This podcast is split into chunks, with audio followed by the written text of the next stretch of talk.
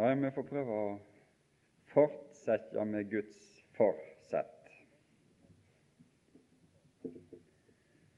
Og eh, han er iallfall utholdende. Gud, altså. Uendelig utholdende.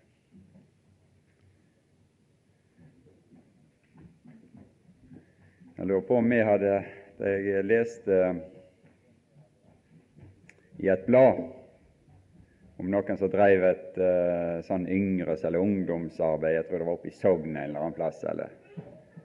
Så Han som liksom leda dette og sto i spissen for det, han sa at det var den responsen han fikk fra disse ungdommene, som oppmuntret oppmuntra han til å fortsette.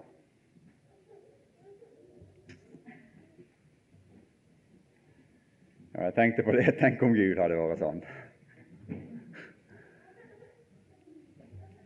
Da hadde det ikke blitt mange møter på tror. Hele dagen rakte jeg ut mine, mine hender ut til et ulydig og gjenstridig folk. Hele dagen. Slik fortsatte han år etter år, århundre etter århundre. Det er utholdenhet. Og han vil vel at vi skal lære litt av den utholdenheten, tror jeg òg. Det er helt klart, det går klart fram av det som står her. At det er noe av dette han skal skape i oss ved disse forholdene her, som er omtalt i kapittel 9 og 10. At det skal avsette seg sånn frukt som vi får noe av den guddommelige karakteren inn i våre liv. Denne utholdenhet, denne evige trua på at kanskje det er noen å vinne. Kanskje det var én der og nå. For slik er han.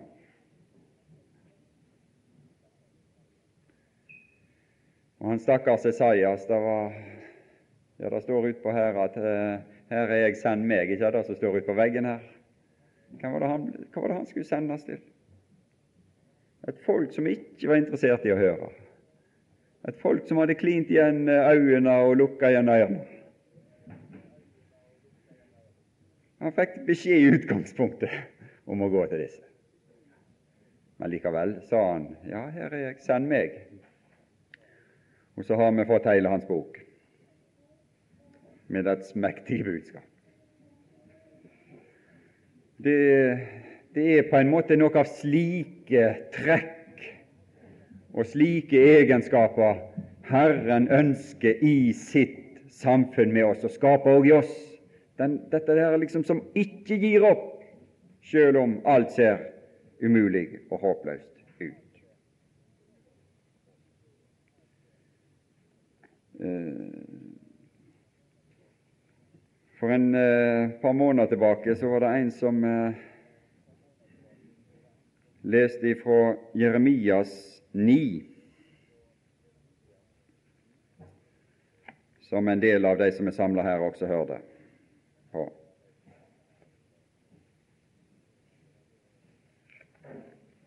Nå var det eh, som var sagt der da i en helt annen sammenheng enn det som vi sier her, da, men jeg kom til å lese akkurat det nå. som ble eh, lest der. Den, det, det, var i forbindelse med å sette sin lit til Herren, til Gud, og ikke til noen mennesker. Det å stole på Gud og ikke mennesker. Det er det at når du har begynt å sette din tillit og begynner å stole på Gud, så blir du liksom ikke avhengig av menneskelige størrelser og hvor store eller små de, de er. Og det er det er, noe så, det er holdbare greier. Så sier han i vers 23, Jeremias 9, 23, så sier Herren, den vise roser seg ikke av sin visdom, og den sterke roser seg ikke av sin styrke, for plutselig så møter du en som er visere enn deg, og så nedkjemper deg. Så møter du plutselig en som er sterkere enn deg, som overvinner deg, om du er aldri så sterk. Og den rike roser seg ikke av sin rikdom, men den som vil rose seg, han roser seg av at han er forstandig og kjenner meg, at jeg er Herren som gjør miskunnhet. Og det er denne Herren som gjør miskunnhet, som Paulus utlegger her kapittel, fra kapittel 9 i Romerbrevet. Herren som gjør miskunnhet. Han er ikke bare miskunnelig, men han gjør miskunnhet. Og Det var det vi leste i Romerbrevet 9 og vers 15, når han sier og åpenbarer denne sin egenskap for, eller til Moses. For til Moses sier han Og igjen er dette her et sånt ord som bare står der år etter år etter år. Det, det, det, er et ord som står der. Han sier til Moses, men det som han sier til Moses, slik er han. Det var ikke noe som var gyldig akkurat når han sa det til Moses. Det kan være ord som var gyldige akkurat i en situasjon. Men når det står her 'Skriften sier', og, og Esaias roper, så er dette her ord som står der, og som taler sitt språk inn til vår tid. Til Moses sier han. Jeg vil miskunne meg over dem, den som jeg miskunner meg over, og ynkes over den jeg ynkes over. Dette er sagt i Andre Mosebok kapittel 33 i forbindelse med at Moses ville se Guds herlighet.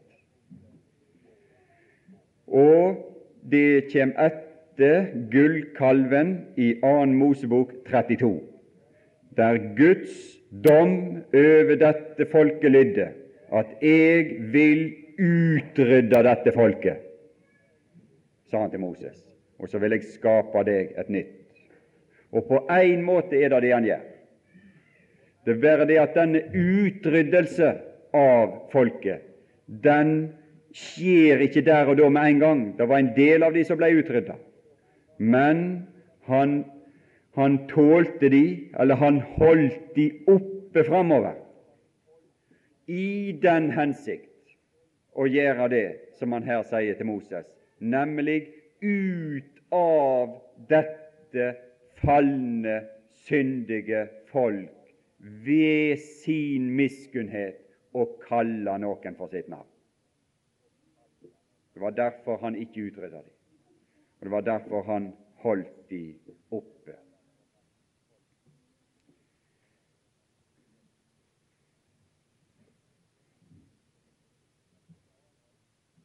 For Skriften sier til farao, just til dette oppreiste jeg deg, at jeg kunne vise min makt på deg, og mitt navn kunne bli kunngjort over all jorden.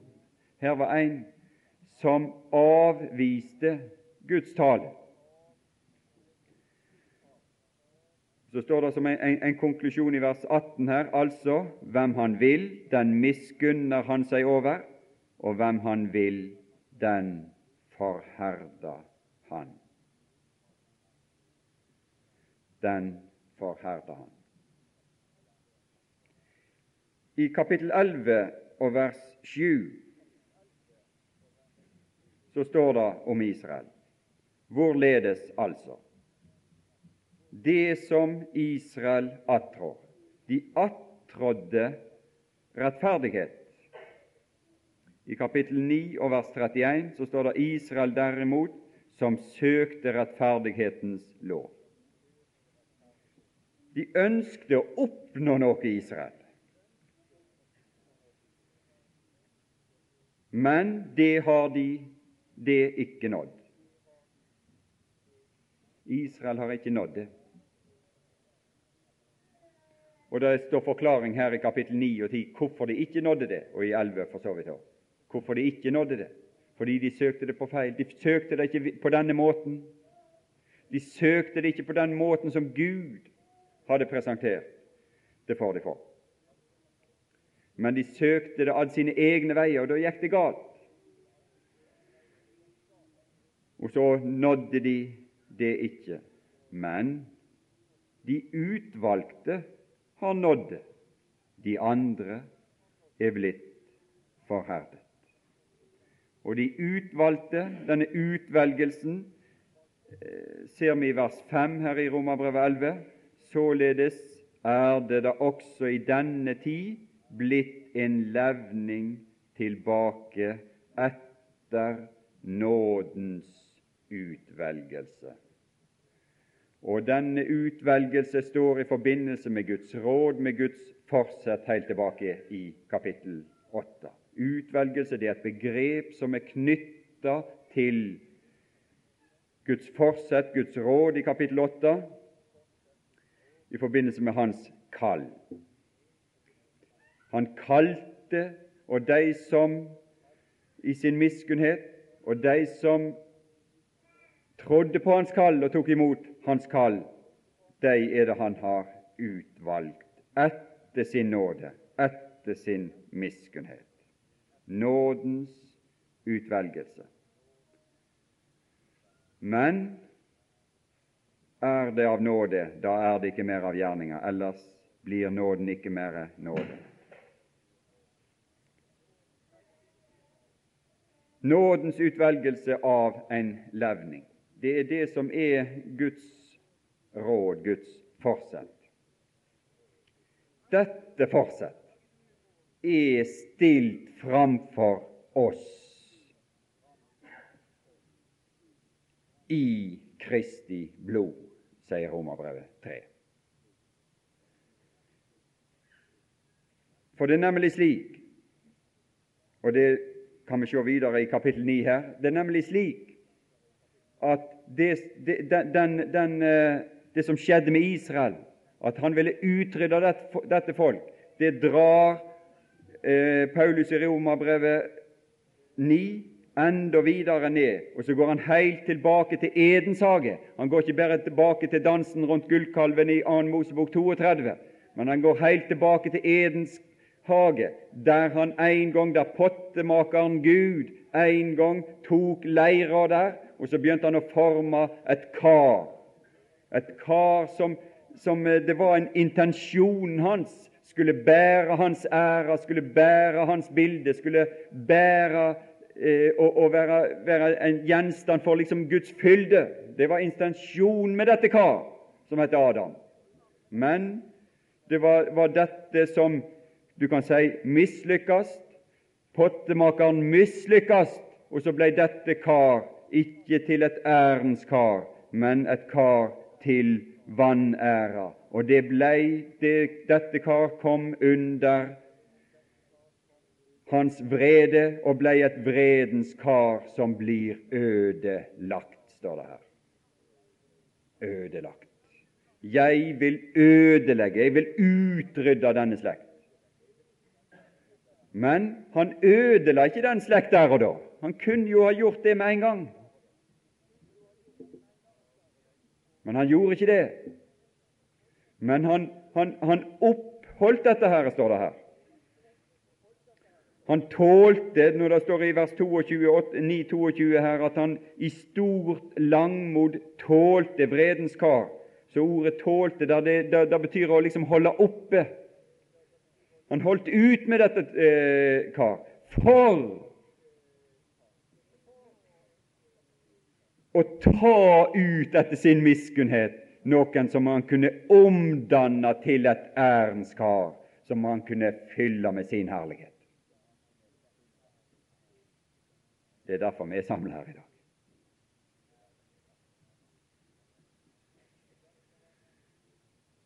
Og dette har han stilt fram for oss.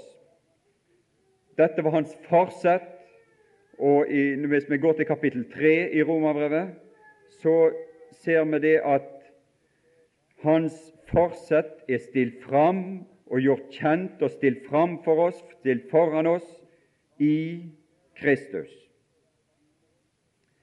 Der står der i vers 22, på slutten i vers 22 at all, eh, eller, der står det at for det er ingen forskjell. Det er ingen forskjell. De som er av Adams ett, for dem er det ingen forskjell. Enten de er jøde eller hedning, det spiller ingen rolle. Det er ingen forskjell. Alle har syndet og fattes Guds ære. Alle har syndet. I vers 9 her så står det at alle, de alle sammen er under synd. Vi er lagt nemlig under ei forferdelig makt som herska over menneskene, ei makt som heter synd. Du er under. Du er lagt under der, kan du skrive opp. Det er ingen som, ingen som hersker over synden. Det finnes ikke en eneste mann, hvor sterk og svær han er, som hersker over synden. De er lagt alle under synd. Ei grusom makt. Og det er en forferdelig hersker med ei grusom makt. Det var den ene tingen. Den andre tingen var at de fattes Guds ære. Det betyr at vi står nakne uten noen ting framfor Gud, framfor Han som ingen må vise seg tomhendt overfor, langt mindre naken overfor, uten at det er katastrofe. For det opptender hans vrede. Han kan ikke tåle det, at noen kommer fram for hans åsyn, tomhendt, naken, uten at disse kommer inn under hans brennende vrede og forferdelige dom. Det er disse to ting at Guds forsett i vers 25 ordner opp i. For der står det I begynnelsen på vers 25 så står det, som Gud, står det om Kristus Jesus, som Gud stilte til skue i hans blod. Stilte til skue, det, det, er, det er, kan du si, verb eller gjerningsordet for ordet 'fortsett'. Det er et substantiv som heter 'fortsett', og det er et gjerningsord eller et verb som svarer til det nemlig å stille, for, stille, stille foran og sette foran. Gud har et forsett, og sitt forsett så setter han det foran deg, for deg. Og det er det han gjør her. Som Gud stilte for i hans blod. Så nå er det ikke det bare noe Gud ser for seg, det er ikke bare noe som er i Guds tanke lenger. Det er ikke bare noe Gud tenker ut og liksom forestiller seg. Et råd, et forsett som han tenker ut. Men nå har han realisert sitt råd og sitt forsett, og så har han stilt det for deg. Er du interessert? Er du interessert? Nå står det for deg. Han er satt det for deg.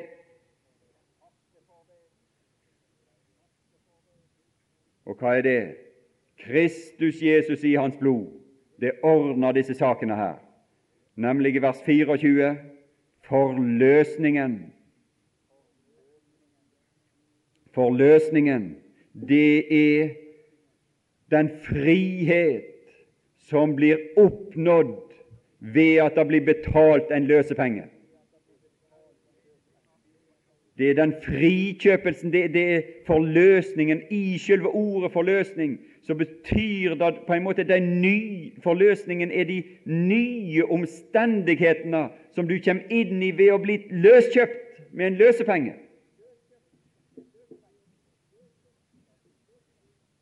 Ut av syndens makt.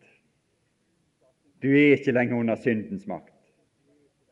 Synden skal ikke lenger herske over deg og tyrannisere deg og bestemme hva du skal gjøre og ikke gjøre. Du er løskjøpt, du er satt fri. Du er kjøpt fri ifra den omstendighet.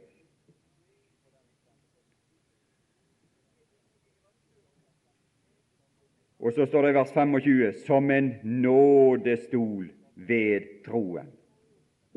Eh, de har visst oversatt det som soningslokk, og i og for seg er ikke det så dumt. For det, det, det, det er kanskje mer nærmere opp til det som står der. det. For ordet nådestol her det betyr egentlig et middel til forsoning. Forsoning. Forsoningen, den ordner opp i ditt forhold til Gud, til den mangel på æra du sto i i forhold til Gud. Forløsningen ordner opp med synden som hersker. Forsoningen ordner ditt forhold innenfor Gud. Det dekker deg. Den stiller Guds vrede og Hans rettferdighetskrav, Hans rettferdighetskrav, og den dekker deg, så du kan stå for Hans åsyn. Og du kan, eh, du kan, du kan stille deg framfor Gud, og du kan være der i kraft av de gaver som tilfredsstiller Gud. Og så kan du stå der, og så kan du rose deg av Gud. Det er en total omvandling av vår situasjon. Fullstendig og total. Nå har han stilt deg framfor deg. Nå er hans forsett satt for deg i Kristi Jesu blod er det gjort synlig og tilgjengelig for deg. Spørsmålet er om vi bare avviser dette. Det er det som er det store spørsmålet.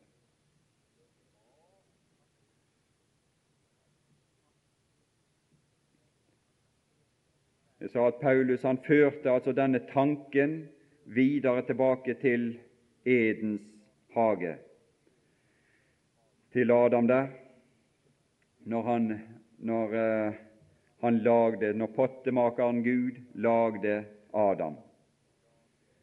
Så står det at han tålte slekten, han holdt den oppe, den, den, denne slekta av vredens kar, og vi var alle av disse kar. Men så kommer vi i vers 23. Der står det å tale om et nytt kar, miskunnhetens kar. Et kar som er laga slik at det skal fylles av Guds herlighet og med Guds herlighet, og det skal tåle denne sak, som man forut hadde beredt til herlighet. Han har, han har lagt et nytt kar, slik som han taler eh, på samme måten som han taler om i, i Jeremias 18, om Israel, om denne pottemakeren, denne historien som alle kjenner det sikkert her. Det var det Gud gjorde. Han har gjort et nytt kar, en ny slekt, en ny mann. Miskunnhetens kar, som han forut hadde beredt til herlighet. Og over dette kar så har han en kunngjøring. Over dette kar så har han noe, en fylde å gi, en rikdom å gi, som han skal fylle opp, og som skal bæres i dette kar. Han, så han også kunne kunngjøre sin herlighetsrikdom over miskunnhetens kar. Han som er rik på miskunn, står det han som er rik på miskunn.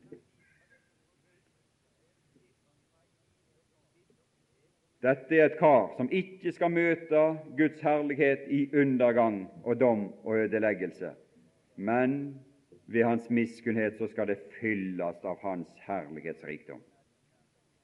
Han har istandsatt det til det. Han har beredt det til.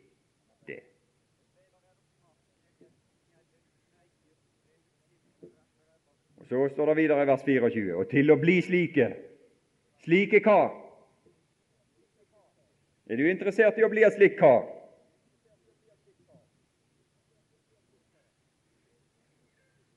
til å bli slike. Og han har vist denne herlighet. Han har vist hva som kan utfolde seg i et slikt kar, når han sendte sin egen sønn i syndig kjøts lignelse. Et legeme laget du for meg. Og så har vi sett et kar som har sett et kar i denne verden som gjorde Guds vilje som var fylt med en herlighet. Alle hans gjerninger, all hans tale, alt hans vesen, alt det han gjorde, alt det han sto for, alt det han var, er fylt med herlighet. Og vi har sett det. Ja, det var i utgangspunktet til forveksling likt oss, var ikke det det? I syndig kjøts lignelse. Ja, ut av mors liv. Låg der, vokste opp, kunne vi gå bort til han, ta på han. Jau, jau, her var kjøtt og blod. Jau, han var, han var visst akkurat som meg. Det var kjøtt og blod som for meg. Og vi ser på han. Ja da, til forveksling lik oss. Men så begynner dette kar, så begynner vi å se hva som er fylden i dette kar. Og da er det ikke lenger likt oss for her rår det andre krefter og andre lover, det som heter livets åndslov. Det er den som utfolder seg i denne mann, i hans armer, i hans bein, i hans gjerning, i hans vesen, i hans ord. Du vet hvordan våre ord var her. Ormeeder og giftige ting, og det var, var som kalka grave, grave som åpna, det var død og fordervelse og stank som steg opp, når du leser i Romerbrevet 3. Slik var våre ord. Men om han hadde de et annet vitnesbyrd. Det var livssalighet, det var liv. Det var ikke død som for ut av hans munn, men det var liv. Livssalighet. De livssalige ord som utgikk av hans munn. Det er dette som er mønsteret på dette miskunnhetens kar, som Gud skal danne oss til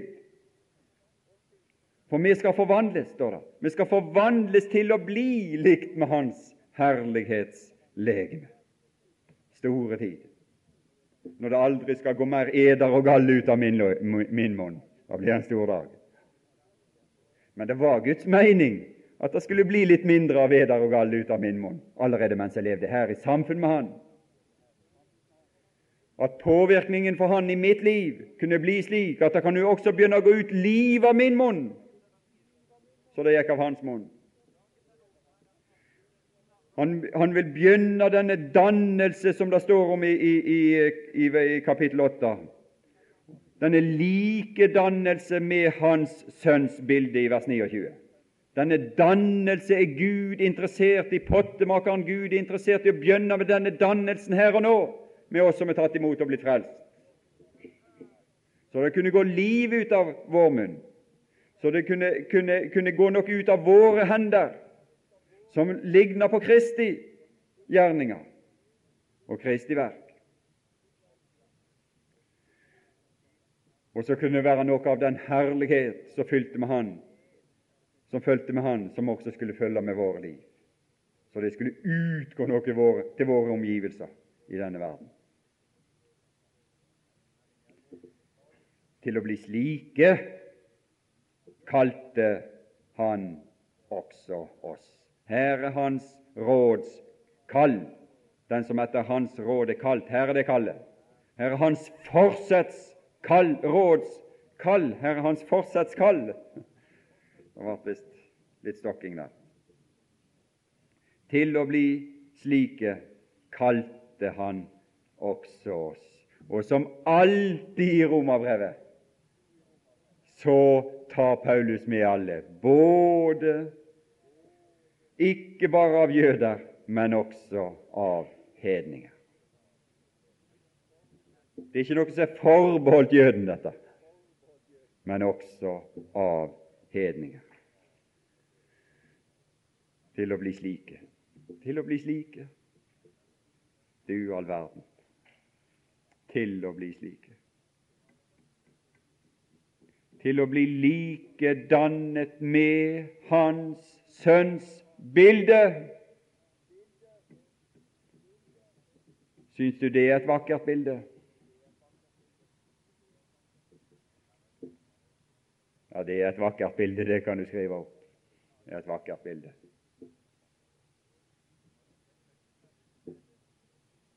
Du kan lese de fire evangeliene og se om det er noe ting i denne verden som kan sammenlignes. Det er ingenting som kommer i nærheten av dette bildet i skjønnhet. Kalte han også oss uslinger, en ussel makt som Jakob.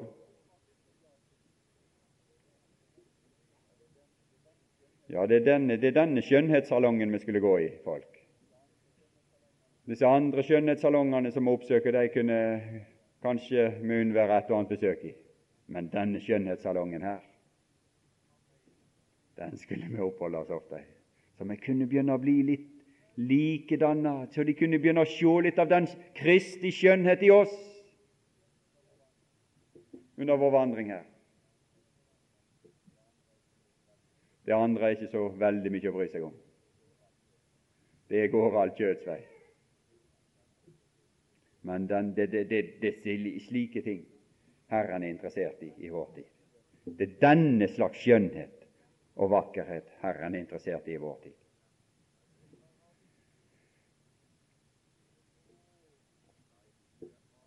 Til å bli slike kalte han også oss.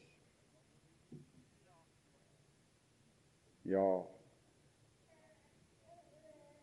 han har syner, Paulus. Jeg tenkte på, jeg leste noen år tilbake i Kolossensavrevet der det står om å framstille hvert menneske fullkomment i Kristus. Hvert menneske fullkomment i Kristus. Når han gikk forbi på gata, så lå det en i rennesteinen der, ille tilrett. Så så Paulus på denne som lå der. Så så han her er et ler som kan dannes til å bli fullkommen i Kristus. Jeg vet ikke om jeg har greie makt å ha sånne syn. Jeg er ikke kommet så langt, tror jeg. Men det var hans syn.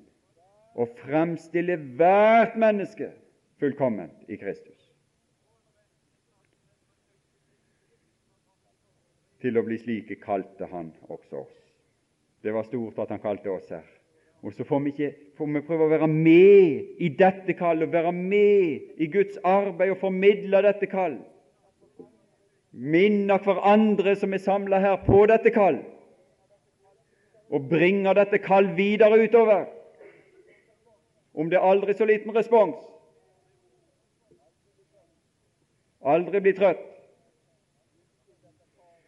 Inntil dette karet her knuses for alle blir overkledd. Vi får holde på og holde ut.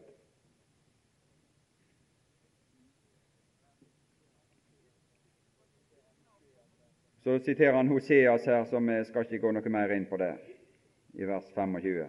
Det som ikke er mitt folk, vil jeg kalle mitt folk, og henne som ikke er elsket, vil jeg kalle min elskede. Hvis du leser i Hoseas, så vil du finne det første der, eller i vers 26 her òg. Og det skal skje på det sted hvor det ble sagt dem, dere er ikke mitt folk, der skal de kalles den levende Guds barn, eller egentlig sønner, står her. Den levende Guds sønner. Dette med folk og sønner, det står i profeten Hoseas direkte der i, i kapittel 1 og 2. Men henne som ikke er elsket, vil jeg kalle min elskede. Det er ikke noe sånn direkte sitat. Og Så Paulus han eh, forlanger i grunnen at du må lese gjennom profeten Oseas for å finne ut av det. da. Så du må ta deg bryderiet med det og lese gjennom hele profeten. For det er i kapittel 9 det står om henne som ikke var elsket.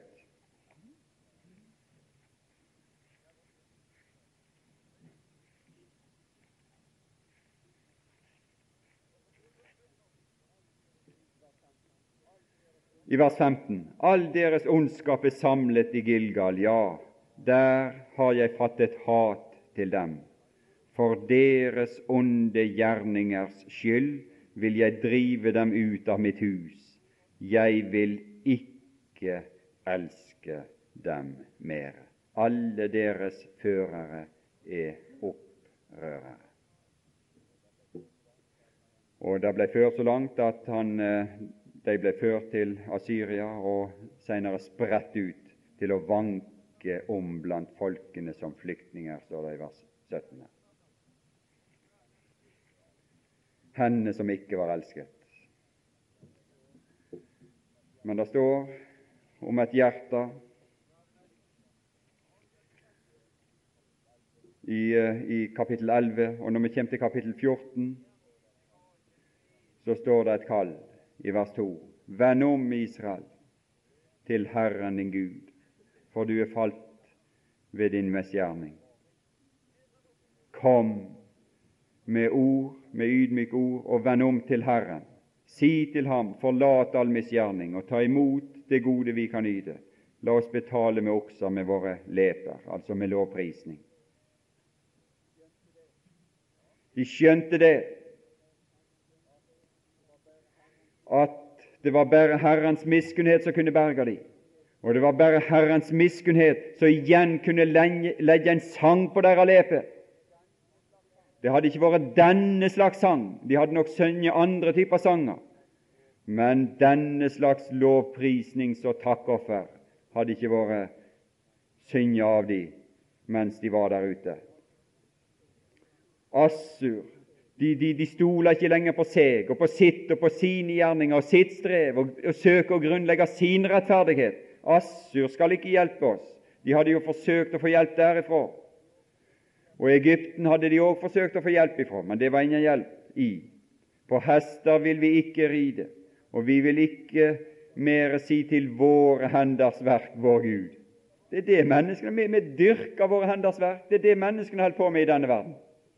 De tilbyr det som de gjør, det som er utforska, og det som er gjør, og det som er stell i stand. For det er hos deg den farløse finner miskunnhet.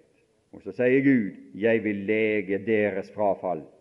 Den som kommer, den som vil høre, den som vil ta imot denne innbydelsen, den som vil lytte til dette kall og komme. Jeg vil lege deres frafall. Jeg vil elske dem disse som han ikke lenger vil elske i, i, i kapittel 9. Jeg vil elske dem av hjertet, for min vrede har vendt seg fra dem.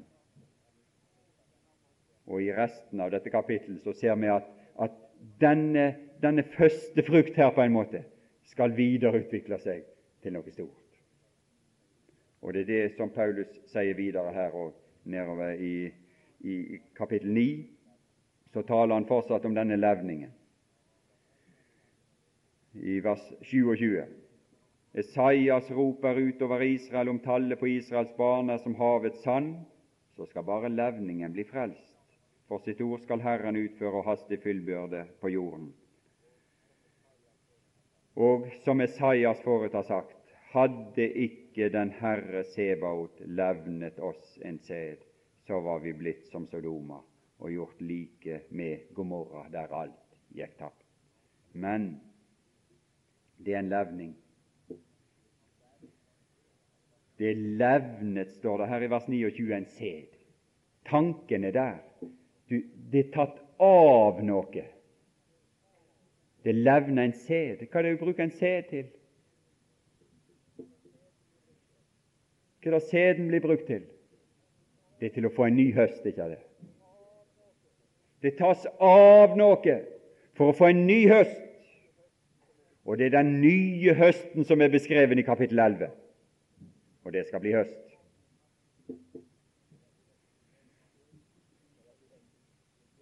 Nå skal det bli høst. Det er da de store innhøstningstider kommer. Men Gud skal bruke denne sæd til å få i stand sin store innhøstning i sin tid. Og Han skal bruke oss, vi som er frelst nå, og som er tatt imot nå. Gud vil bruke oss som en sånn sed, til å vekke en nidkjærhet. Folk skal bli rett og slett misunnelige på vår stand og stilling og posisjon en dag. Og dette skal vekke en lyst og en lengt til å komme tilbake til Gud. I vers, eh, kapittel 11 og vers 11. Jeg sier altså, har de da snublet for å falle? Ja, hvis vi hadde lest et par vers til i kapittel 9, så hadde vi sett, lest om snublesteinen der de, de snubla. De snubla imot snublesteinen. Jeg sier altså, har de da snublet for å falle? Var det fallet som var poenget? Langt ifra. Men ved deres fall Det er underlig, slik er Gud. Ved deres fall er frelsen kommet til hedningene. Og Vi leser også om et fall i kapittel 5 og vers 20, hvor fallet ble stort. Du ser hvordan Gud opererer hele veien.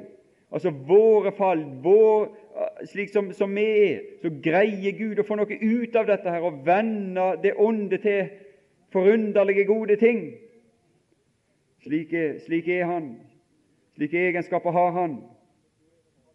Langt ifra, men ved deres fall er frelsen kommet til hedningene for at dette skal vekke dem til nikjærhet. Men ved deres fall er men er deres fall en rikdom for verden, og et tapet av dem en rikdom for hedninger, hvor meget mere da deres fylde. Deres fylde. Ja, det står om når hedningenes fylde, når det er kommet inn. Men da kommer det ei tid som heter Israels fylde. Og den tid skal ikke bare være ei tid for Israel, men det skal være ei stor tid også for hedningene. For det er da han skal få de mange til del og de sterke til lodd. Det er da de store innhøstningstidene kommer. Jeg leste her at Arild Edvardsen nå hadde Gud vist han at han ikke lenger skulle fiske med stang og med håv, sånn én og én, men nå skulle han gå over til store garn og nøte. Nå skulle de store innhøstningene komme fram imot år 2000.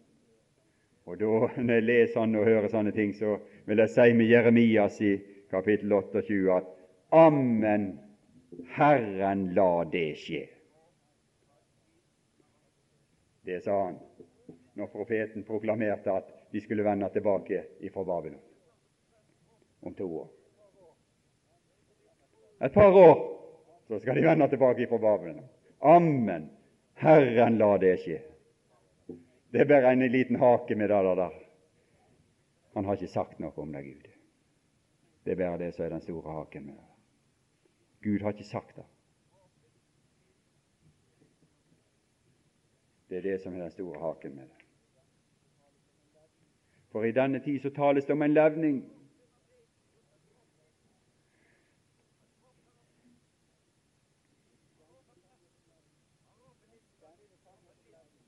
Men denne sannhet om levningen legg ingen demper på Paulus sitt hjertes ønske og bønn til Gud for dem at de må bli frelst. Paulus blir ikke dempa i sin iver av Esaias' budskap om levningen. Brødre, mitt hjertes ønske og min bønn til Gud for dem, for disse som han har talt om i, i, nedover her i kapittel 9, er at de må bli frelst.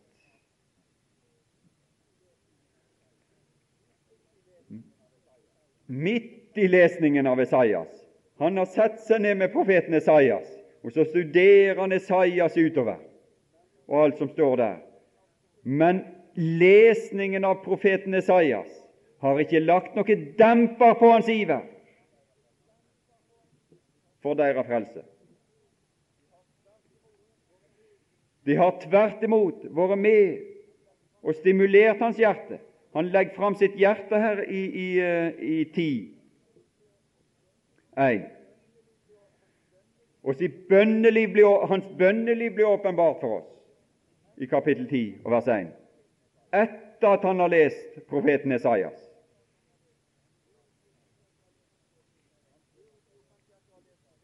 Han burde jo kanskje etter å ha lest profeten Esaias, så burde han bare gi opp alt når, han, når alt så så håpløst ut.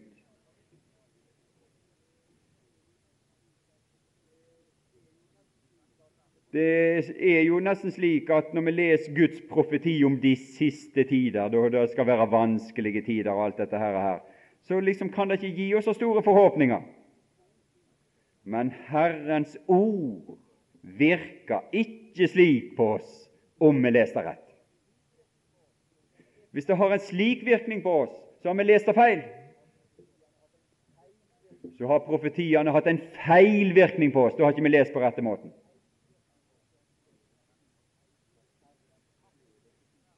For Herren sjøl er ikke slik at han ikke ser håp. Og han har aldri operert slik. Og som jeg sa her til å begynne med, i kapittel 10 og vers 21, så rekker han ut sine hender hele dagen til et ulydig og gjenstridig folk. Han har en forhåpning om at det var en eller annen som kunne ta imot den utrekte hånd. Var det en som ville gripe hans arm utrekte frelse? Han står der, han gir ikke opp. Men han rekker hele dagen ut sine hender, begge sine hender, for å gripe deg, så ville ta imot den frelsende ånd. Og det er denne kjærlighetsutholdenhet som blir lagt ned i Paulus i hans møte med Skriftenes Gud. Og Da får han også inn med seg noe som han her lenger ute kaller for den trøst som Skriftene gir. Og den trøst kan du stole på har verdi. Det er ekte saker. Det er ikke noe skuespill.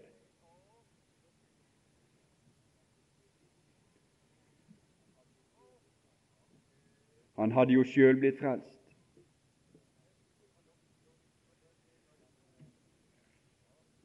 Han, eh, han sier her i kapittel 11, det leste jeg visst første dagen òg,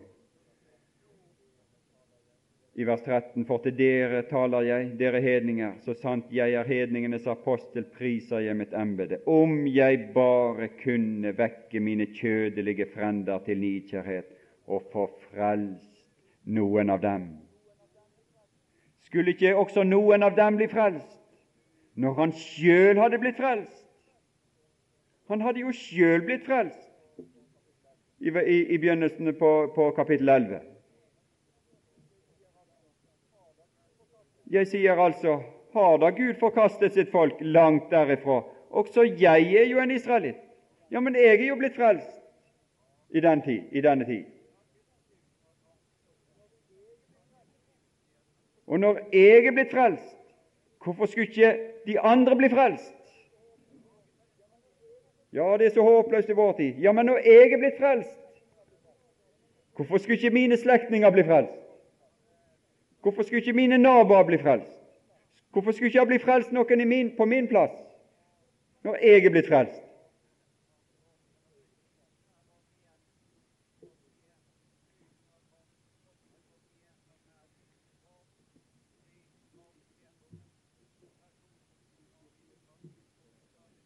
Skulle ikke Ordet gå inn også i noen andres hjerter og skape dette for underlige som kan skje i et hjerte som heter tro. Dette er forunderlige. Når ordet går inn, og så skjer det noe rart inni hjertet, og så med hjertet tror en til rettferdighet. Derfor må vi holde fram dette ordet. Derfor må vi forkynne Kristus for om mulig at dette ordet kunne gå inn i et hjerte. Og så skaper dette forunderlige tro til rettferdighet. For da gjorde jo det med meg. Det kom jo inn i mitt hjerte. Hvorfor skulle ikke det kunne gjøre det med en annen?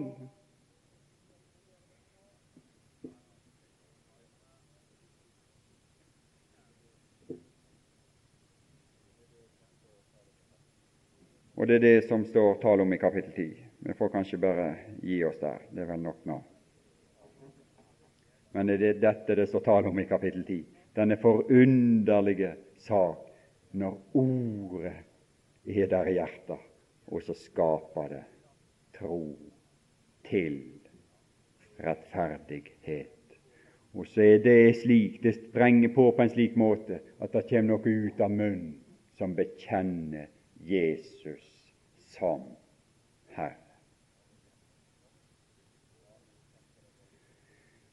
Ja, vi vil takke deg, vår Gud og vår Far i himmelen, at du sendte ditt ord til Noregs fjell.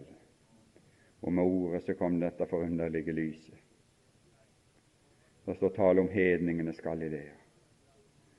Og var det svart og mørkt og hedningenes Galilea, ikke så mange mil nord for Jerusalem, så var det i hvert fall svart og mørkt her oppe i det høye nord. Langt, langt, langt utenfor. Alt som hadde med, med ditt ords åpenbarelse å gjøre. Men så fikk evangeliet føtter å gå på. Disse fagre føttene som vi leser om. De sprang oppover Europa, de sprang helt fram til våre fjell og daler og fjorder og øyer.